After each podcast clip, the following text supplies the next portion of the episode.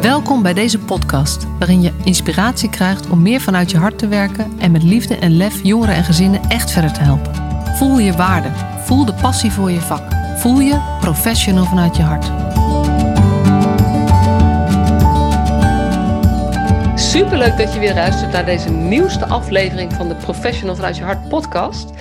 En ehm, ik zit hier nu op woensdag met uh, een, uh, een, een mede-partner in crime. Uh, die al weet dat ik de Positivity Award gewonnen heb. En jullie allemaal nu nog niet. Um, en dat is Ricardo Eshuis. En hij weet het omdat hij de winnaar is van de Positivity Award van het meest positieve bedrijf. En het leek ons heel erg leuk om nou, deze podcast te gebruiken om iets meer van elkaars verhaal te leren kennen. En ook gewoon die positiviteit verder te brengen. Dus welkom Ricardo. Dank, leuk om hier te zijn. Um, de eerste vraag die iedere gast van mij krijgt is: Ben jij een professional vanuit je hart? Uh, vol, volmondig ja. Uh, ik heb verschillende dingen gedaan in mijn, uh, in mijn leven. En ik heb ontdekt dat je dat eigenlijk alleen maar doet als mens. En de rest eromheen is een rol die je moet invullen. En of je dat nou doet als docent, ik ben docent geweest, uh, geschiedenis, nou, daar zit natuurlijk niemand op te wachten. Maar als je dat doet als mens en je stapt erin als mens, dan ga je vanzelf zien wat je met dat instrument geschiedenisles die kids toch kunt meegeven. Dus dat, dat, dat is leuk. Maar als je daar gaat staan als docent, ik moet mijn uh, leerdoelen afdekken ja, dan, dan wordt het een hopeloze strijd. En ik heb, ik heb lesgeven ook nooit als een strijd gezien, maar juist als een voorrecht. Ik had een klas leerlingen om te kunnen clearen. Dus dat is heel leuk. Ja. Uh, in plaats van andersom. Ja. Uh, en en ik, ik heb ook in mijn werk altijd uh, ben ik er ingestapt als mens. Als, als docent maak je natuurlijk van alles mee. Uh, ook dingen die je niet wil meemaken. Als mentor uh, echt probleemgevallen of, of een sterfgeval in de klas van een leerling. Dat wil je niet meemaken. Daar stap je in als, uh, als mens. En jaren in de horeca gewerkt. Stiekem af en toe nog steeds. En dat, dat, dat doe je ook met je hart. Uh, ik, ik, kan niet koken. Mensen denken altijd, ik ben directeur van Stichting Vakbekwaamheid Horeca, een stichting die zich inzet voor de vakbekwaamheid in, in de horeca. Als je dat vertelt en je legt dan uit dat uh, de meesterkoks bij ons vandaan komen, hè, die doen bij ons hun meesterproef en als ze dat halen, dan ben je meesterkok. De, de hoogste graad van vakbekwaamheid. Iedereen denkt dan dat ik dan fenomenaal goed kan koken onzin, dat kan ik helemaal niet. Ik kan wel uitleggen wat erbij komt kijken om, om die stappen te gaan zetten en je daarin te ontwikkelen.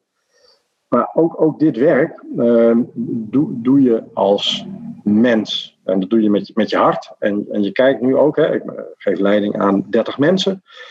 En ja, je moet, dan moet je oog hebben voor uh, ieders details, die voor mij wellicht niet zo van belang zijn. Maar de detail waar onze telefoniste of gastvrouw tegenaan loopt, is voor haar in haar dagelijks werk een enorm ding. En voor mij is het wellicht heel klein, maar voor haar is het groot. Dus daar moet je ook oog voor hebben en proberen op te lossen door je in haar te verplaatsen. Maar dat, dat, dat kan niet als je je uh, uh, verplaatst, verschuilt achter protocollen en dat soort dingen. Zo werken wij gelukkig ook niet. Want anders kun je nooit een positief bedrijf hebben. Nee, Nee, ik vind het ook heel mooi dat je zegt, uh, uh, je moet je in haar verplaatsen. Ik, ik zeg heel vaak tijdens trainingen of, of in gesprekken als met mensen praten over hoe, hoe kunnen we nou die verbinding meer leggen met soms hele ingewikkelde mensen die je wil helpen. Uh, en dan gaan professionals, mensen gaan zo ontzettend hard denken over wat ze dan zouden moeten gaan bieden of doen of welke interventie zetten we in. En de, een van de eerste vragen die ik altijd stel is, en als je het nou eens even bekijkt vanuit, vanuit het perspectief van diegene over wie het gaat, is dit dan wat hij of zij ook nodig vindt? Of, of is dit waar hij of zij op zit te wachten? Absoluut. En dan is het heel vaak even stil. En dan zeggen mensen, nou ja, dat weet ik eigenlijk niet. En dan, voel je, en dan kan je eigenlijk een ander soort gesprek gaan voeren. Van oké, maar als we dat dus als uitgangspunt zouden nemen, dan, dan denk ik dat veel meer mensen zich gehoord voelen en gezien voelen. Ja. En veel meer bereid zijn om daarna ook mee te gaan met de ideeën die je hebt. Want die kan je natuurlijk wel gebruiken. Alleen niet vanaf het begin. Nee, niet vanaf het begin. En kijk, als je in dat soort situaties jezelf ook bewust bent van de impact van woorden, want ook in de zorg doe je heel veel met woorden, dat geldt, dat geldt ook voor mij. Um, als je bewust bent van de impact van woorden, dan ben je ook bewust wat je eigenlijk creëert als reactie.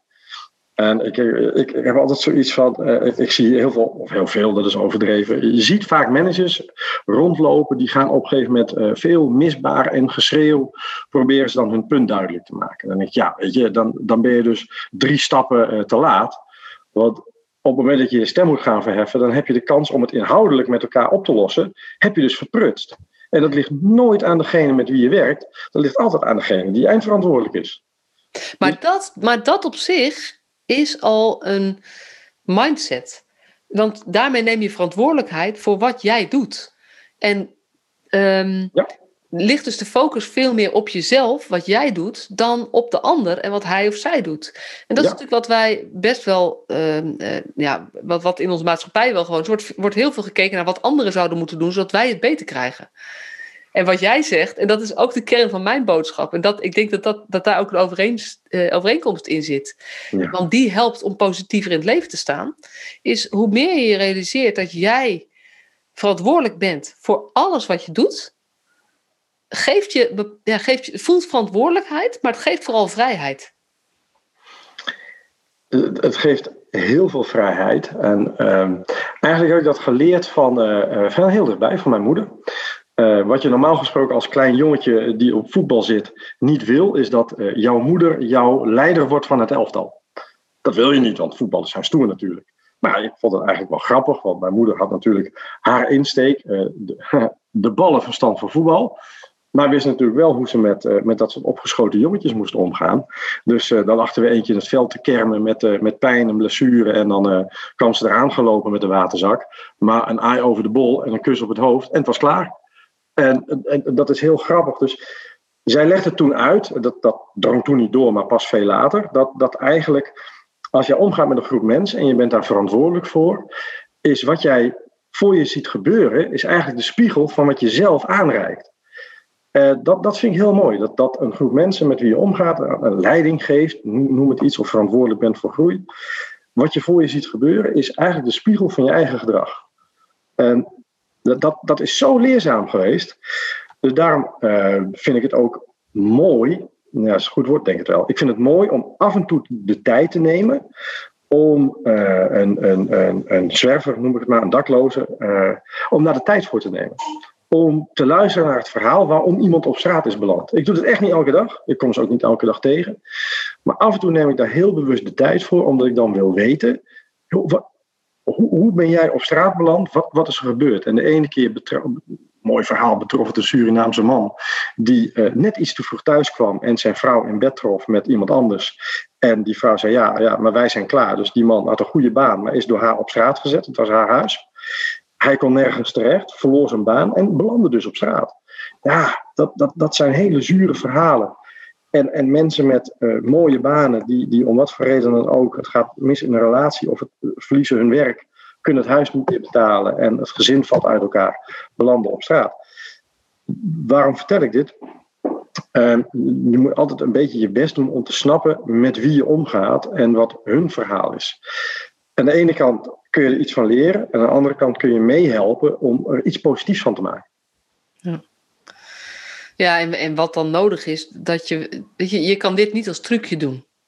Nee. Je kan niet zeg maar bedenken, oh, ik ga volgende keer, als ik iemand tegenkom, ga ik even geïnteresseerde vragen stellen. Zeg maar, bedenken dat je dat doet. Wat het vraagt, is dat jij echt zelf zakt en denkt van, hé, hey, maar ik wil gewoon zijn verhaal horen. Ja. Dat je dat echt ook, ja, ja, intrinsieke motivatie vanuit, vanuit jezelf voelt. Ja. Um, uh, en, en ja, dat je dus eigenlijk vanuit je hart ook die vragen gaat stellen. Want anders, waarom zou iemand zijn verhaal met jou gaan... Ja, je hebt mensen die vertellen aan iedereen hun verhaal. Maar als je het echte verhaal wil horen, moet jij er zelf ook echt zijn. Dus uh, ja, mooi. hey, meest positieve bedrijf.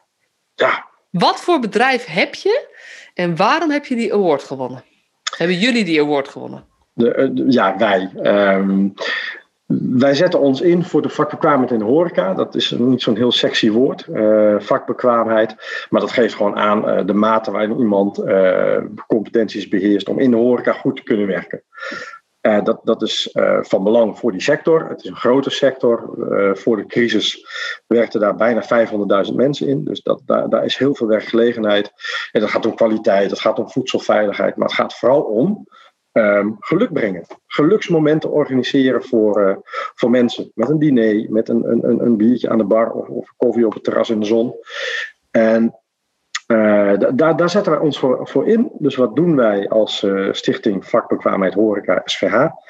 wij doen onderzoek in de sector. Wat voor baanontwikkelingen zijn er? hoe kunnen mensen zich daarin ontwikkelen? Ehm, en op basis van die onderzoeken maken wij opleidingsprogramma's.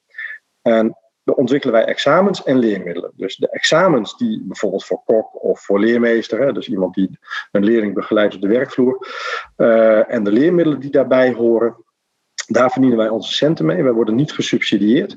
Dus wij moeten wel een paar commerciële activiteiten doen om onze ideële doelstellingen uh, te kunnen bereiken.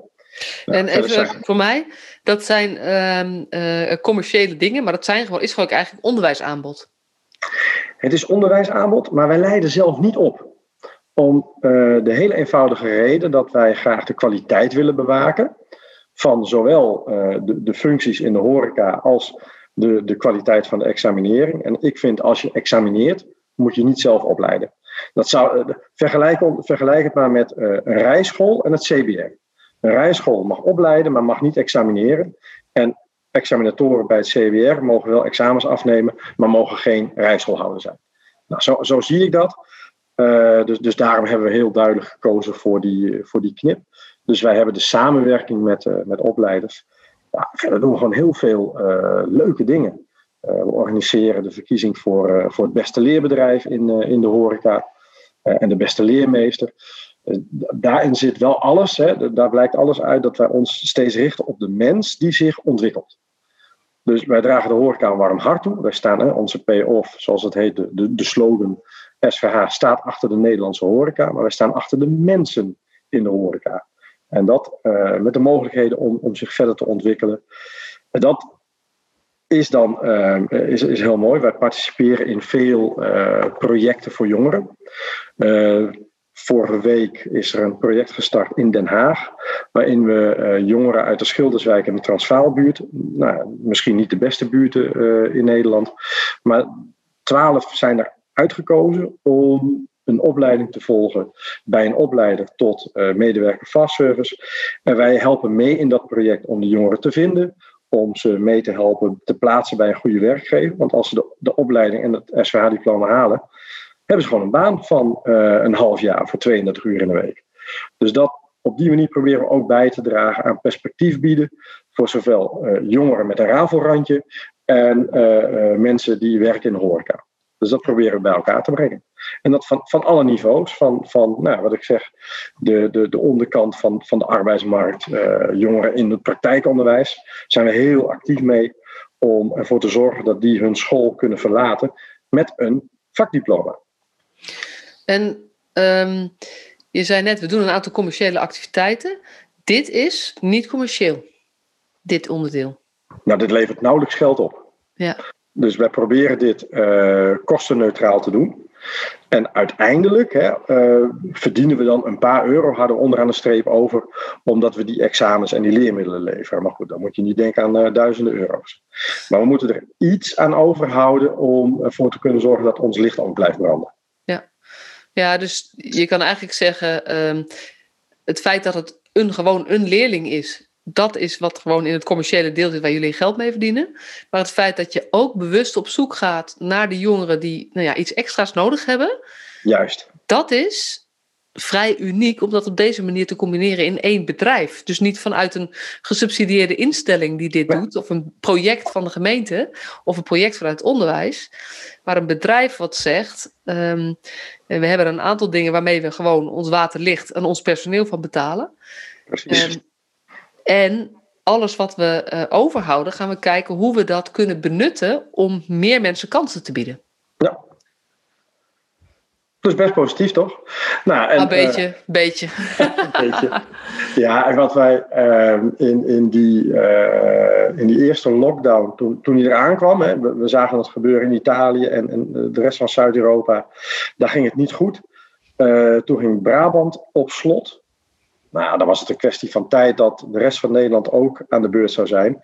Dus ik had het idee al opgevat van als dit nou gaat gebeuren, dan, dan wil ik dat wij onze uh, e-learning, waar mensen normaal gesproken voor moeten betalen, dat wij die in een bepaalde vorm uh, gratis ter beschikking gaan stellen. Nou ja, toen de, de hashtag stay home, hashtag stay home, stay safe. En wij hebben toen de, uh, de hashtag Stay Home Hospitality Academy gelanceerd.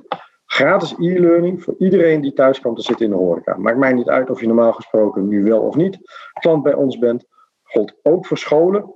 Uh, scholen die al met ons werkten, konden we extra ondersteunen, zodat zij hun lessen op afstand konden gaan geven. Maar ook scholen die nog geen klant bij ons waren.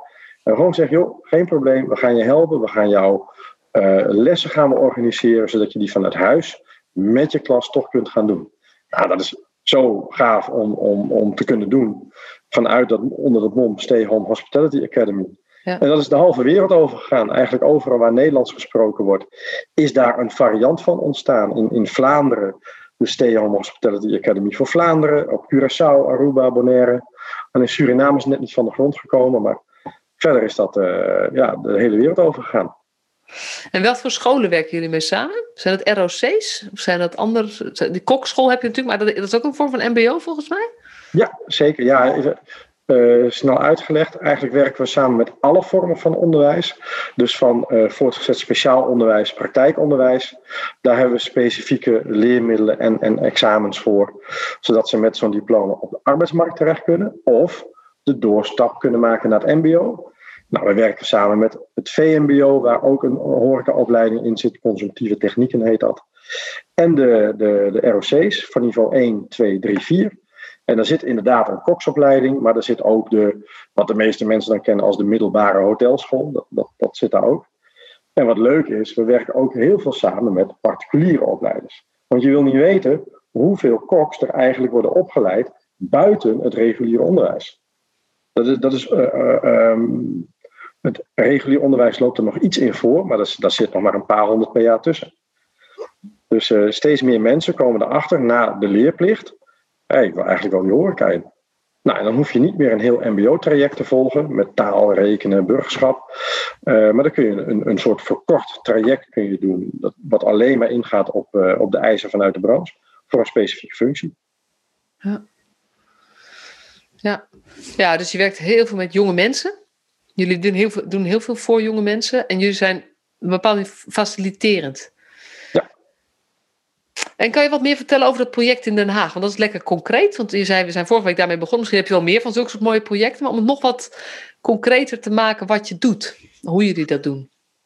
Nou, even los van, van, de, van de examens die wij ontwikkelen. Want we moeten gewoon uh, op een manier toetsen hoe uh, jongeren het hebben gedaan. Dat moeten we gewoon toetsen. En de leermiddelen die we ontwikkelen, zorgen eh, in dat project met een opleider die daar zit, plus een hele gedreven ondernemer die zo'n idee had van ik wil iets doen voor de jongeren in mijn, eh, in mijn buurt, hebben we de koppen bij elkaar gestoken en gezegd: prima, uh, jouw bedrijf is de kartrekker, ja, hij kwam ook met het idee en zoek daar zijn partners bij. Nou, daar staan wij voor open. Dus wat we doen, we maken een, een opleidingsprogramma met die opleiders samen. We kijken wat zijn de capaciteiten van de jongeren die in dat programma komen. En we zorgen ervoor dat daar uh, de goede bedrijven bij gezocht worden. Doen we niet alleen, daar krijgen we de hulp bij van uh, Rabobank Den Haag bijvoorbeeld. Die zegt van hé, hey, onze foundation kan hier een, uh, een rol in spelen, die kan bemiddelen, die kan, ze hebben bedrijf, horecabedrijven als klant. Dus zo kom je in een netwerk van welwillende mensen die zich daar hard voor willen maken. Nou, dan kun je met elkaar kun je het verschil gaan maken. En op een gegeven moment zegt de gemeente zelfs, dus dat vind ik heel bijzonder, die klopte vorige week bij, het, bij die ondernemer aan. Een, eh, een, een mooie ondernemer, Atalay Selek, een, een, man van Turkse komaf. Hele goede ondernemer met, met een, ik denk wel zes harten op goede plekken. Uh, en de gemeente klopt bij hem aan. Wat kunnen wij voor jouw project doen? En daar komen dan gelden ineens vrij. Heel bijzonder. En waarom komen die gelden vrij? Omdat er eigenlijk alle partijen aan tafel zitten die zelf zeggen: dit, dit vinden wij van belang. Nou, zo kunnen we twaalf jongeren als pilot nu ineens. We dachten, dit is gewoon een project. En daarna zien we wel, maar het is nu een pilotproject geworden. Met steun ineens van de gemeente. of ondersteuning van de gemeente. En die zegt, als dit een succes wordt, ja, dan willen we heel graag hier financieel aan bijdragen. Ja. Nou, vind ik heel bijzonder. Ja. Nou, ja, onze rol.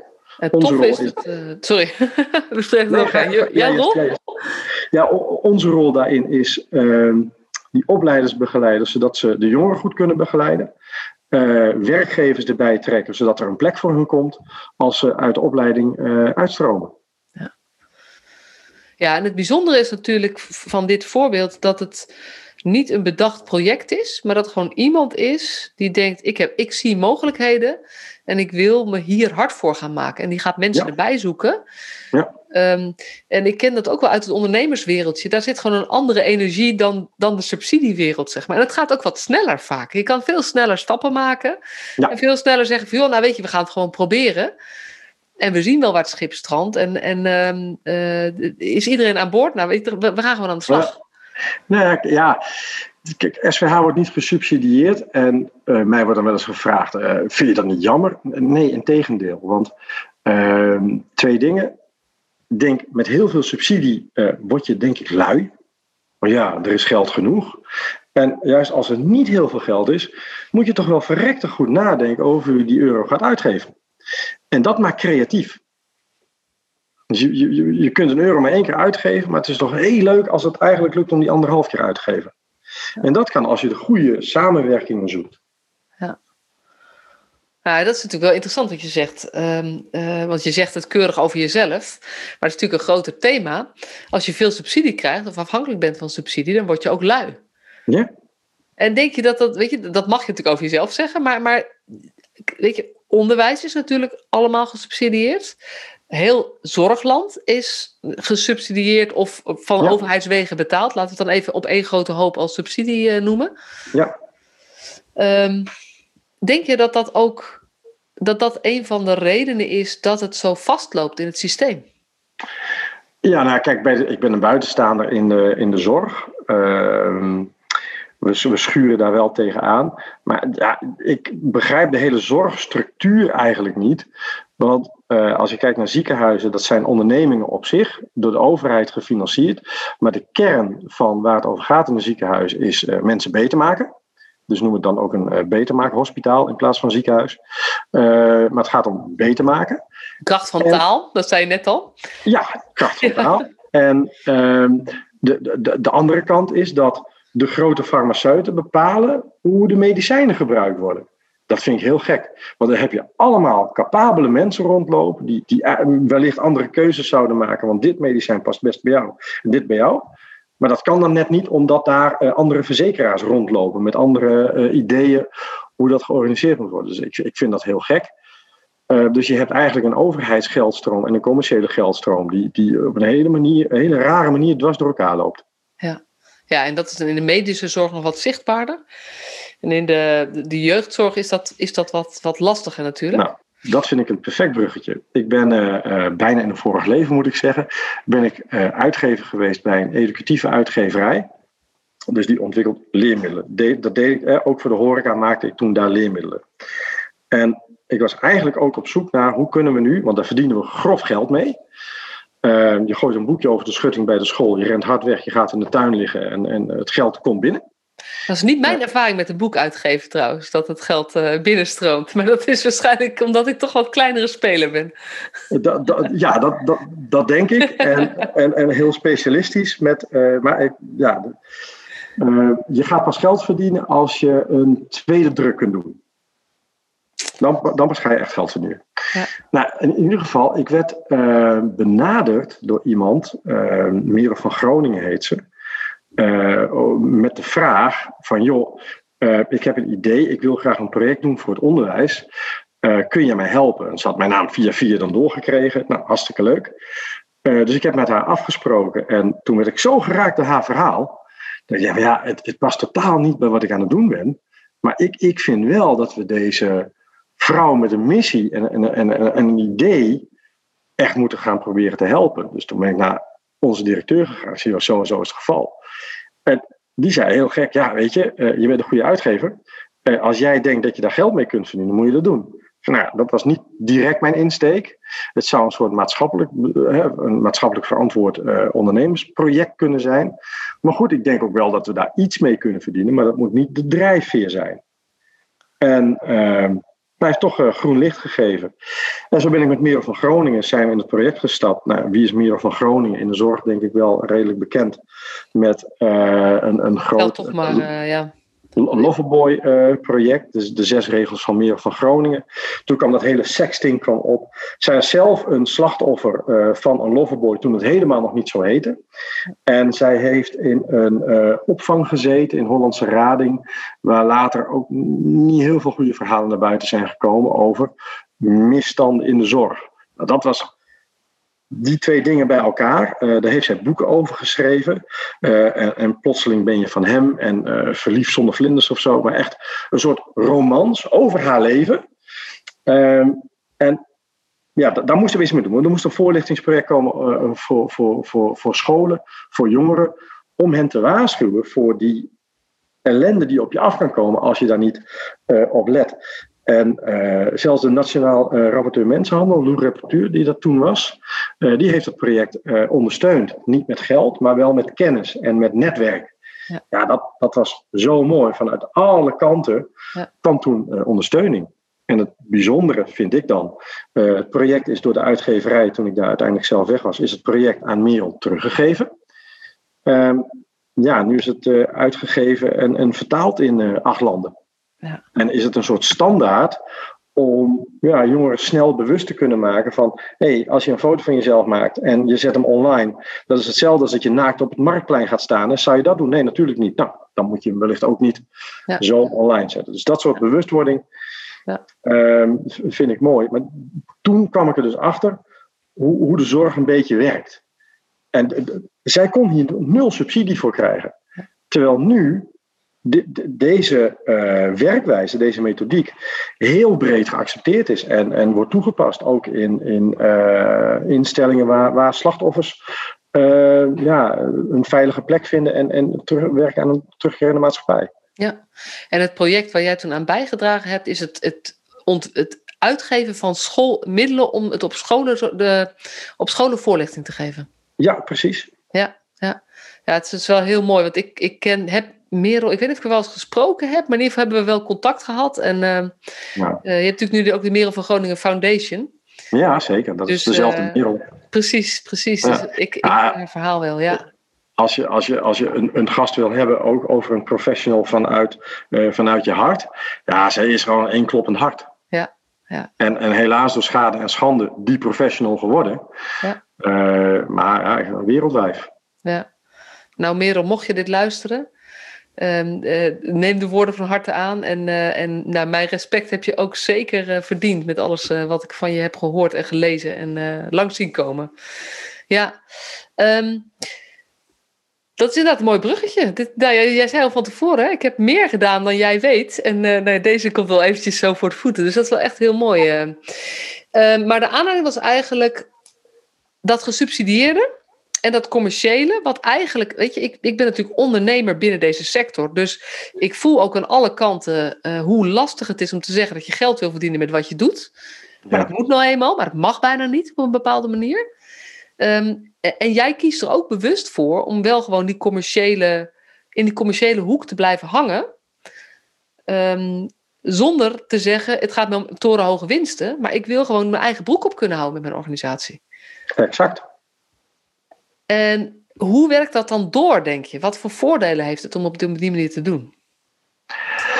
Nou, het heeft, uh, het heeft heel veel voordelen. Uh, je, je kunt je prijzen laag, nou relatief laag houden bijvoorbeeld. Omdat je niet die hoge winstmarges hoeft na te streven, uh, kun je ook uh, volstaan met, met een winst van een paar procent. En een paar procent van een aantal producten, ja, dat, bij elkaar levert dat genoeg op om het licht te laten branden en weer nieuwe projecten te kunnen doen. Uh, dus dus dat, is, dat is daar, uh, op, op die manier is dat een, een voordeel.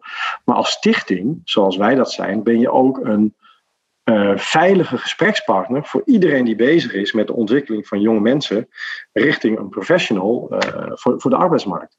Want wij, wij, wij hoeven ehm, niet de subsidies weg te, halen. Wij werken met heel veel partijen samen die wel subsidies krijgen. En dat vind ik prima. Zolang ze mij maar niet lastigvallen met de schriftelijke verantwoording uh, rondom de subsidiestroom. Dat vind ik echt uh, nou ja, een, een soort hel op aarde. Uh, en, en, en als andere partijen daar beter van worden, vind ik dat goed. Maar ik weiger te werken met mensen die het, uh, precies de loketroute weten. Want als ik langs dat en dat en dat loketje ga en dan nog langs die, halen we net een euro meer op. Ja, weet je, dan, dan zit je hart niet op de goede plek. En uh, daar werk ik gewoon niet mee samen. Wel met partijen die broodnodige subsidie nodig hebben om iets te kunnen betekenen voor jongeren. Vind ik helemaal prima. Ja, oeh, en dat is ook al een boute uitspraak. Hè? Mensen die de loketroute weten, daar, zeg maar, en daar, die daarvoor gaan, zit het hart niet op de goede plek. Ik denk wel eens, uh, die mensen hebben de andere mogelijkheden nog niet gezien. Oh. Want ik was ook een hulpverlener. En als hulpverlener denk je gewoon als hulpverlener. En denk je niet aan andere mogelijkheden die er zijn om ook um, uh, inkomsten um, te verwerven of zo, zeg maar? Ja, oké. Okay. Dan wil ik hem iets nuanceren. Met de mensen die de loketroute precies kennen, bedoel ik dus echt mee. Um, je kunt subsidie A krijgen voor dit onderdeeltje van het project, subsidie B voor dat onderdeeltje. En als we nog dit onderdeeltje in een project erbij stoppen, wat nul toegevoegde waarde heeft, maar dan kunnen we toch nog een beetje extra subsidie uh, binnenkrijgen. Dat is wat ik daarmee bedoel. Ja. Mensen die hun projecten draaien op basis van subsidie, omdat ze met die subsidie net het verschil kunnen maken. Uh, echt al, helemaal prima. Echt goed. Ja, ja. Weet je, en ik vind het wel een heel interessant onderwerp, want als ik kijk naar mijn eigen. Uh, wat maakt mij nou binnen al die. Er zijn natuurlijk heel veel trainers binnen de jeugdzorg, of heel veel adviseurs. Of, weet je, en wat, wat is er dan anders? Dan ga je nadenken van ja, waarom heb ik die prijs gewonnen? Of wat is dan een andere insteek? En ik heb zelf het gevoel dat het dat wezenlijk uh, daaraan bijdraagt het feit dat ik ook ondernemer ben. En dat ik ook als ondernemer wat meer denk. Zodat je, dus je focus ligt anders. Dus ik vind het wel krachtig zoals jij het formuleert. En um, ik denk dat we eigenlijk wat meer ondernemersgeest zouden moeten hebben. Wat, wat vrijmoediger ook zeggen: joh, ik heb een leuk plan, laten we het gaan doen. En dan zien we wel hoe we dat vervolgens organiseren. Terwijl ja. doordat we in zo'n subsidie um, gestuurd nou, in verantwoordingssystematiek zitten, dat, dat, dat, slaat je ook een beetje dood of zo. Ja, dat, maar dat is ook logisch. Want wie bedenkt de subsidie en wie bedenkt de eisen waaraan een, uh, project, waaraan een project moet voldoen om in aanmerking te komen voor subsidie? Dat zijn doorgaans niet de professionals op de vloer. Dat zijn ambtenaren aan een, een prachtig bureau, denk ik dan, ja. uh, die iets bedenken. Ja, ja dus, dus, dus ja, ik, ik denk altijd maar, ja, hoe je begint uh, bepaalt hoeveel je komt. Ja, zo kom je nergens. Maar als je het nou zou omdraaien en je zou de vloer laten bepalen van joh, wij zien dit, dit, dit. Hier zouden projecten voor moeten komen. Wil je dat alsjeblieft gaan financieren? Lijkt mij een zegen. Ja, en eigenlijk is dat wat natuurlijk in Den Haag gebeurd is.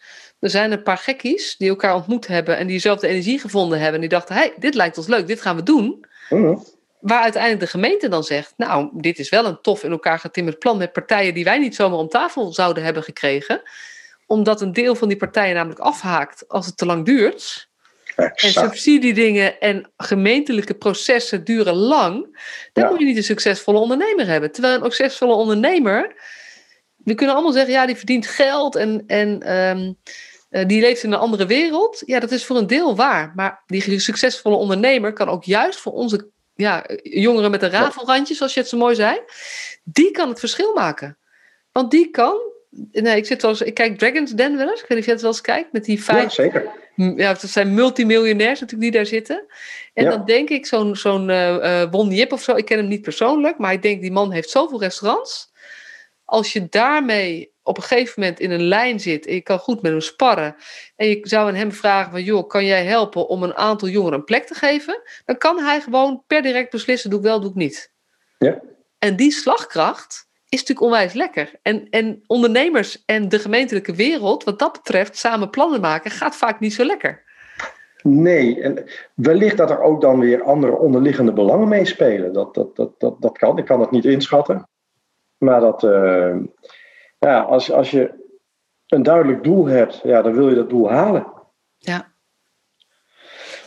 Ja, maar dan moet het voor ondernemers ook altijd nog een beetje concreet zijn. En niet te ver weg en niet te planmatig in processen uh, uitgeschreven. Een, een proces kan een middel zijn om een doel te bereiken. En sorry dat ik het zeg, luisteraars, maar ik heb vaak het beeld dat in de zorg het proces het doel is. Als het goede proces maar is gevolgd, ja, dan, dan zien we de uitkomst wel. Ja, en je zegt sorry, maar je zegt het toch. Uh, die focus op het proces, zeg maar, wat, waar, hoe herken je dat? Of hoe, hoe, hoe is dat beeld voor jou gevormd? Uh, dat beeld is gevormd omdat uh, uit, uit mijn eigen persoonlijke ervaring zie ik uh, in mijn vriendenkring zitten huisartsen en, en veel mensen die in de zorg werken. Ik ga vaak naar een bepaalde voetbalclub en dat is een vriendengroep geworden. En er, er zit allerlei pluimage en echt ook veel mensen uit de zorg. En als je met hen praat, ja, wat wij doen kan voor de helft goedkoper. En wat je bespaart kun je echt besteden aan meer mensen in de zorg trekken, uh, kwaliteitsverbetering. En daar zie ik het aan. En dan praat je over protocollen waar mensen zich aan moeten houden. En als de vloer aangeeft, dit protocol kan ook anders, slimmer, is voor de patiënt beter, cliënt, en is voor uh, uh, de instelling beter, dan wordt dat vaak tegengehouden omdat het dan moeilijker is om de verantwoordingsstappen te documenteren. Ja, en spreekwoordelijk zakt mijn broek daar dan van af. Ja, ja. En ik denk dan ook een beetje, ja, het is waar, maar een protocol is ook rekbaarder dan je soms denkt. Dus het is ook wel dat mensen zich meer tegen laten houden door protocollen en ehm, processen die beschreven zijn dan nodig is. Kijk, kijk naar jezelf. Ehm, niet voor niks heb jij de stap gemaakt, wel in de zorg blijven, maar uit die protocollen stappen om mensen te, aan te jagen. Joh, zoek nou die grenzen op. Ja, ja. Ja, en het, is gewoon. Ik ben helemaal niet. Ik ben van karakter helemaal niet iemand die grenzen opzoekt of overschrijdt of altijd. Uh, ik ben niet zo thrill-seeking of zo. Maar ik zie wel echt dat, dat die protocollen mensen ook een beetje kapot maken of zo. En dat ze, dat ze hun, ja, bijna hun, ja, hun ziel verliezen, wil ik wel heel erg, het klinkt wel heel erg. Maar dat ze wel het contact met hun eigen hart verliezen. Ja omdat, omdat, je, omdat het gewoon niet werkt. Om, om, om, dat, om maar zo te werken of zo. Ja, ja herkenbaar. Maar helaas kom je dat ook gewoon in ondernemingen tegen. Ja, dus het is ook weer niet zo zwart-wit als ondernemers is dit en het andere is dat. Nee, en, en daarom heb je natuurlijk goede ondernemers eh, die er op een bepaalde manier uitspringen. En zat bedrijven, waar, ja, 13 in een dozijn, waar de protocollen ook leidend zijn en waar de creativiteit uh, er, weinig ruimte heeft. Maar blijkbaar kan dat voor zo'n onderneming dan ook wel uit, omdat ze voldoende massa maken en, en daarmee voldoende marge. Ja. Dus uh, ik heb in, in onze organisatie voor gekozen om de bevoegdheden heel laag, dat is slecht woord, nou, heel laag in de organisatie te leggen. Wij werken met uh, tribes, en dat zou mijn tip voor de zorg gewoon zijn hoor. Zorg ervoor dat je rondom een vraagstuk de specialisten aan tafel hebt. Want als je kijkt naar een ecosysteem, de oceaan, dat, dat, dat, bestaat uit miljoenen specialisten. En met elkaar vormen ze een ecosysteem. Nou, wat doen we in het onderwijs en, en wellicht ook in de zorg? Daar zetten we juist alle mensen met dezelfde discipline in hetzelfde hokje. En ja, die moeten het dan met elkaar gaan doen. Ja, dan ben je niet complementair. Dan heb je ook geen onderscheidend vermogen ten opzichte van degene die naast je zit. Dus ja, hoe ga je dat dan, hoe ga je dat dan doen? Ja, de een kiest dan gewoon, dan loop ik wel gewoon mee in het protocol. En de ander denkt, ja, hm, dit weet ik niet, dit zint mij niet. Eh, dus daar gaat dan wel een prikkel van uit. Wat ik daarmee wil zeggen, als je het zo organiseert dat je rondom een vraagstuk, een project, maakt mij niet uit, een cliënt, de juiste specialisten aan tafel zet, die complementair werken, dan heb je elkaar ook nodig. En dan kun je vanuit die koppeling van specialisten kun je de beste zorg neerzetten. Kun je het beste project organiseren. Kun je het beste antwoord geven op de vragen die opkomen. Omdat je complementair bent. Je beconcurreert elkaar niet, maar je vult elkaar aan. Ja, en je begint dus eigenlijk met bij de, de laten we dan toch maar de cliënt noemen. Dat is je uitgangspunt. 100%. Daar beginnen we met organiseren. Te kijken wie moeten we hebben om hier voor dit, de problemen die hier zijn, een oplossing voor te gaan verzinnen. En, en juist in de jeugdzorg waar zoveel instellingen aan elkaar zijn gekoppeld, zou het toch een heerlijkheid zijn als je dwars door al die organisaties heen, rondom een jongere, de juiste mensen kunt zetten. Ja. Ja en, en ja, dat is natuurlijk prachtig. En wat er dan nu heel vaak gebeurt, is dat het heel erg gaat over, maar wie heeft dan verantwoordelijkheid? En dat er veel gepraat wordt, wordt over het wie is waar verantwoordelijk voor en welke kaders hebben we hier en hebben we wel een onderliggend convenant om. Um, waar ontzettend veel slagkracht. Er gaat gewoon heel veel energie en tijd verloren aan dit soort dingen. Terwijl de mensen die daar op dat moment zitten best wel in staat zouden zijn om dat samen op te lossen. Ja. Als het op te lossen is, of een oplossingsrichting te bieden of whatever. Maar er moeten gewoon zoveel dingen dan aan de achterkant geregeld worden of afgestemd of um, uh, gedaan, dat, dat daar de energie ook weglekt. Ja, en dat zal ongetwijfeld ook weer te maken hebben dat de verschillende instellingen afhankelijk zijn van subsidiestromen. Ja. En die Ja, moeten en wel precies. worden veiliggesteld. Ja, het zijn subsidiestromen en daarmee verantwoordingsstromen, die ook voor iedere instelling bij iedere gemeente weer anders zijn. En hoe Eh, mooi zou het zijn als je die instellingen bij elkaar brengt en je maakt een groep specialisten verantwoordelijk voor de zorg van, pak een beet, 30 jongeren. En een andere groep wordt verantwoordelijk voor een groep van andere 30 jongeren. En zo krijg je rondom die 30 jongeren krijg je alles goed in kaart. Per jongere, je kunt heel gericht de, de, de, de oplossing aangeven. Dus het zou mooi zijn als je die verschillende subsidiestromen in één pot kunt gooien. En dan stroomt het uit naar eh, degene die zijn salaris moet hebben. Want volgens mij hoeft de zorg geen winst te maken. Nee. Volgens mij moet, moet de winst van de zorg zijn nog minder mensen in de jeugdzorg. Ja. Als cliënt. Dat zou winst zijn. Ja, ja. ja, helemaal eens. Dat is natuurlijk waar we sowieso naartoe moeten. In plaats van dat het steeds meer wordt, moeten we naartoe dat het steeds minder eh, eh, wordt. En, En denk je dan ook dat je onderwijs erbij zou moeten betrekken? Zeker als het speciaal onderwijs is?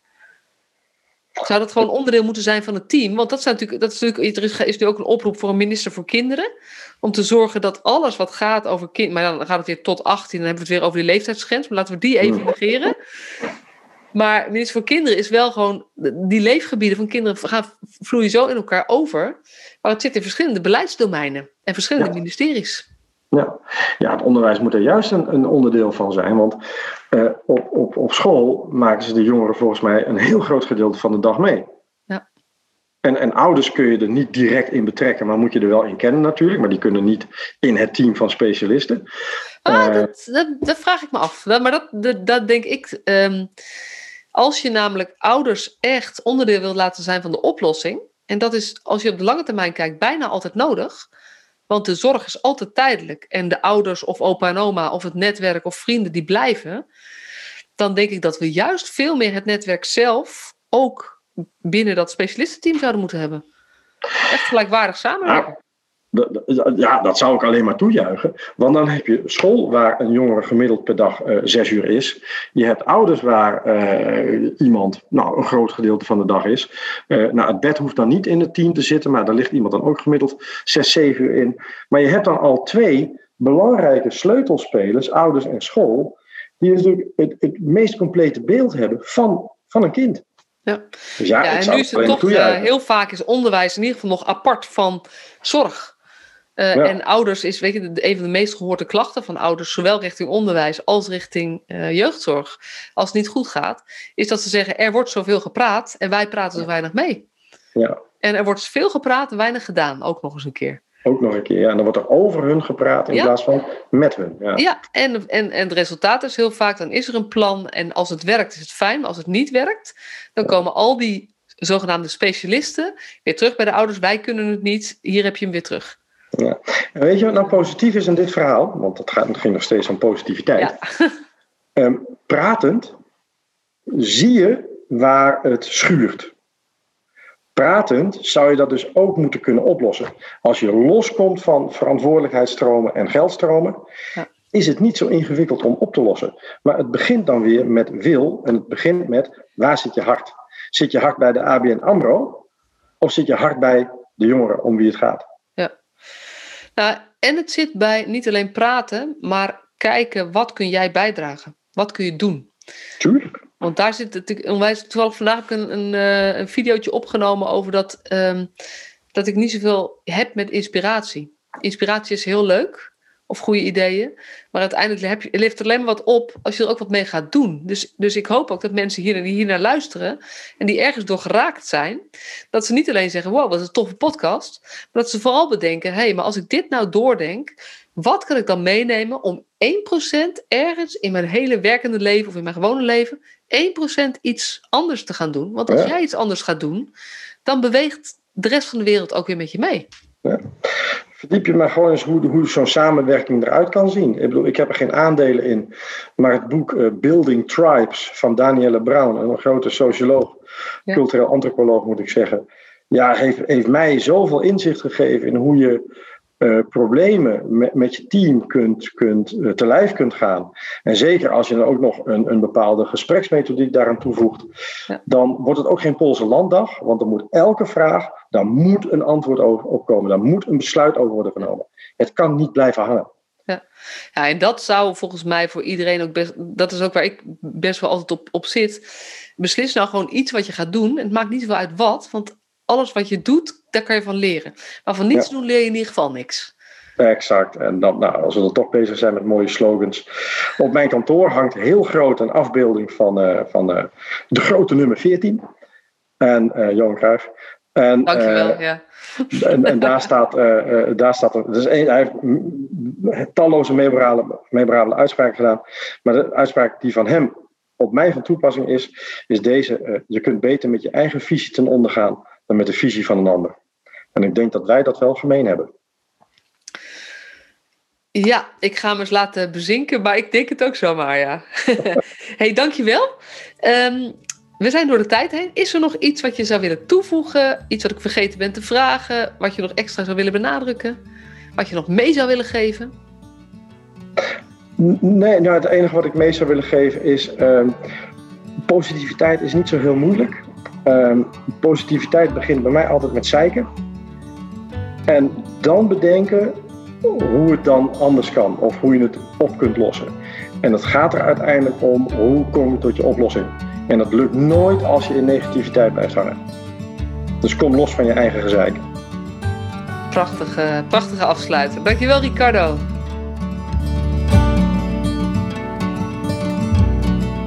Superleuk dat je weer luisterde naar deze podcast. Dankjewel. Nog even kort een paar belangrijke dingen. Ten eerste, het is mijn missie dat de jeugdhulp weer een sector wordt waarin bevlogen, liefdevolle professionals jongeren en gezinnen echt verder helpen. Daarom maak ik deze podcast voor jou. Wil jij deel uitmaken van deze beweging van Professional vanuit je hart, waarin professionals elkaar steeds opnieuw inspireren? Begin dan met het lezen van mijn boek. Je kunt de eerste hoofdstukken helemaal gratis lezen. Ga naar professionalvanuitjehart.nl slash boek. Ten tweede, wil je alle podcastafleveringen overzichtelijk onder elkaar? Abonneer je dan op deze podcast. Klik in je podcast-app op de button subscribe of abonneren. En elke keer als er een nieuwe podcastaflevering gepubliceerd wordt, ontvang je automatisch een berichtje. Ten derde, ondersteun je mijn missie? Geef me dan een review via je podcast-app, bijvoorbeeld iTunes of Spotify. Op die manier kan ik nog meer professionals bereiken. En ken je een collega voor wie deze podcast ook interessant is? Dan zou het super zijn als je hem of haar de podcastaflevering doorstuurt. Bijvoorbeeld door de link te kopiëren via Spotify. Ik vind het altijd heel leuk om berichtjes te ontvangen van luisteraars om te horen wat je van een podcast vindt, of als je misschien vragen of suggesties hebt. Of als een aflevering je een bepaald inzicht heeft gegeven of er iets in beweging is gekomen. Stuur me dan even een berichtje op masha.professionalvanuitjehart.nl via de website of stuur me een connectieverzoek op LinkedIn.